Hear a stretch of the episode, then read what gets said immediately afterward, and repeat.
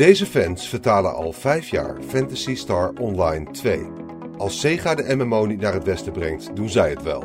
Geschreven door Bastiaan Vroegop voor Laatscherm.nl, ingesproken door Arjan Lindeboom.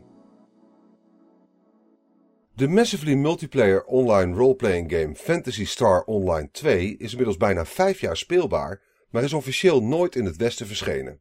Toch kun je de game al jaren gewoon in het Engels spelen. Fantasy Star begon ooit als solo game reeks op oude Sega spelcomputers, maar transformeerde op de Dreamcast in een online RPG. Ineens konden gamers samen met andere internetvrienden op pad om monsters te verslaan en schatten te verzamelen. Toen nog uniek op een spelcomputer. De serie kreeg een vaste schare fans in het westen die Fantasy Star Online bleven spelen, terwijl Sega nieuwe uitbreidingen en spin-offs uitbracht. Fantasy Star Online 2 moest de volgende halte voor deze online gamers worden. Toen de ontwikkeling van de Japanse versie van start ging, bleef het echter angstvallig stil rondom de Engelstalige versie. Bij navraag zei Sega dat de nieuwe Fantasy Star voor het Westen tussen aanhalingstekens was uitgesteld, waarbij geen extra informatie werd verschaft. Een mogelijke verschijningsdatum werd niet gegeven. Japan eerst. Niet iedereen was verrast. Bij vorige delen had Sega er een handje van de Japanse servers eerder nieuwe content te bieden. Japanse spelers lagen hierdoor vaak een jaar voor. Dat de westerse servers nu laag op de prioriteitenlijst stonden, was daarom in de lijn der verwachtingen. Omdat Japan vaak door Sega werd voorgetrokken, zaten de meest hardvochtige spelers al jaren op de Japanse servers van bijvoorbeeld spin-off Fantasy Star Universe. Daarmee was eigenlijk de basis gelegd voor een fanvertaling van Fantasy Star Online 2. De fans die dit project op zich zouden nemen waren immers al langer gewend om zich door Japanse menus en dialogen te worstelen en nu konden ze hun kennis gebruiken om hun Engelstalige vrienden mee te laten spelen. Constant bijbenen. Fanvertalingen van games zijn niks nieuws. Begin jaren 90 had je bijvoorbeeld al Derners Lardenooyen en Ron Bouwland, twee Nederlanders die Japanse games voor de MSX in het Engels uitbrachten. Sindsdien zijn er steeds meer van dit soort fanprojecten opgedoken, waardoor bijvoorbeeld East, The Oath in Felgana, Mother 3 en Secret of Mana 2 via omwegen alsnog voor Engels sprekende gamers toegankelijk werden. Maar een project als Fantasy Star Online 2 is van een andere orde. De MMO-RPG is ontworpen om spelers maanden of zelfs jarenlang bezig te houden, waardoor de hoeveelheid tekst gigantisch is. Een MMO-RPG is ook zelden af. Ontwikkelaars blijven nieuwe content toevoegen, waardoor ook de stapel vertaalwerk continu blijft groeien. Zolang Sega de game blijft bijwerken, moeten vertalers dit bijbenen.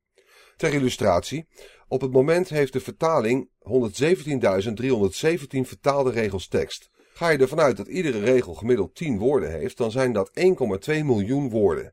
Dat is meer dan het dubbele van de gehele In de Band van de Ring trilogie, waarbij de teller op 481.000 woorden staat.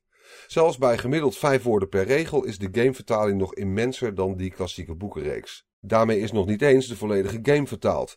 Op het moment is 83,2% van de game omgezet naar het Engels, waarmee alle belangrijke missies, het hoofdverhaal en relevante menus zijn vertaald.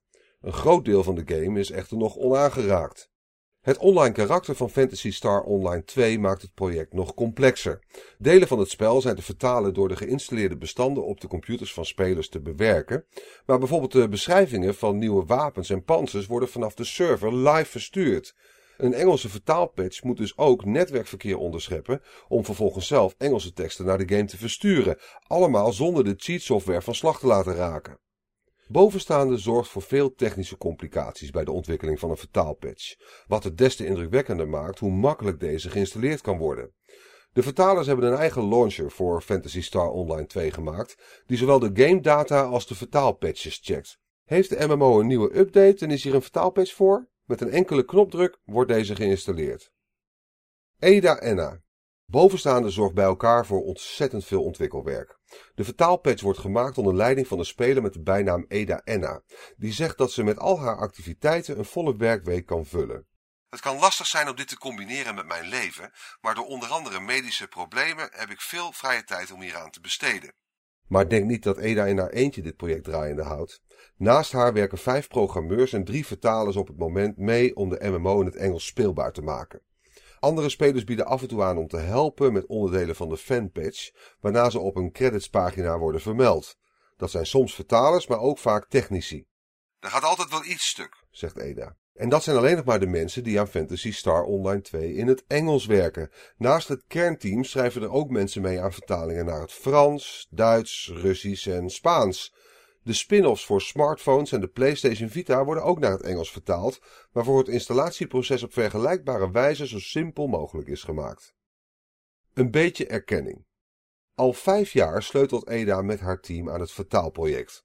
In die tijd heeft Sega zich slechts één keer publiekelijk uitgesproken over het initiatief. Er werd toen een character creator uitgebracht voordat het spel live ging, die meteen naar het Engels vertaald werd. Iets dat volgens Sega tussen aanhalingstekens bizar snel gebeurde. Waarom Sega het team van Eda nog niet heeft ingelijfd om de game officieel in het Westen uit te brengen, is onduidelijk. We hebben tijdens een conferentie eens contact met ze gehad, waarbij we onze contactinformatie hebben doorgegeven. Sindsdien hebben we niks meer gehoord. Sega weigerde in het verleden tegenover journalisten te spreken over het vertaalproject. Toch is het volgens Eda vrij duidelijk dat de game studio een oogje in het zeil houdt. We voegden vier jaar geleden bijvoorbeeld een plugin toe aan onze patch-software, waarmee spelers de gedane schade per seconde konden bijhouden. Kort daarna werd ons vertaalprogramma toegevoegd aan Sega's lijst met cheat-software, waardoor niemand meer kon spelen. Sega zei dat iedereen met screenshots van dit soort hulpmiddelen meteen zou worden verbannen.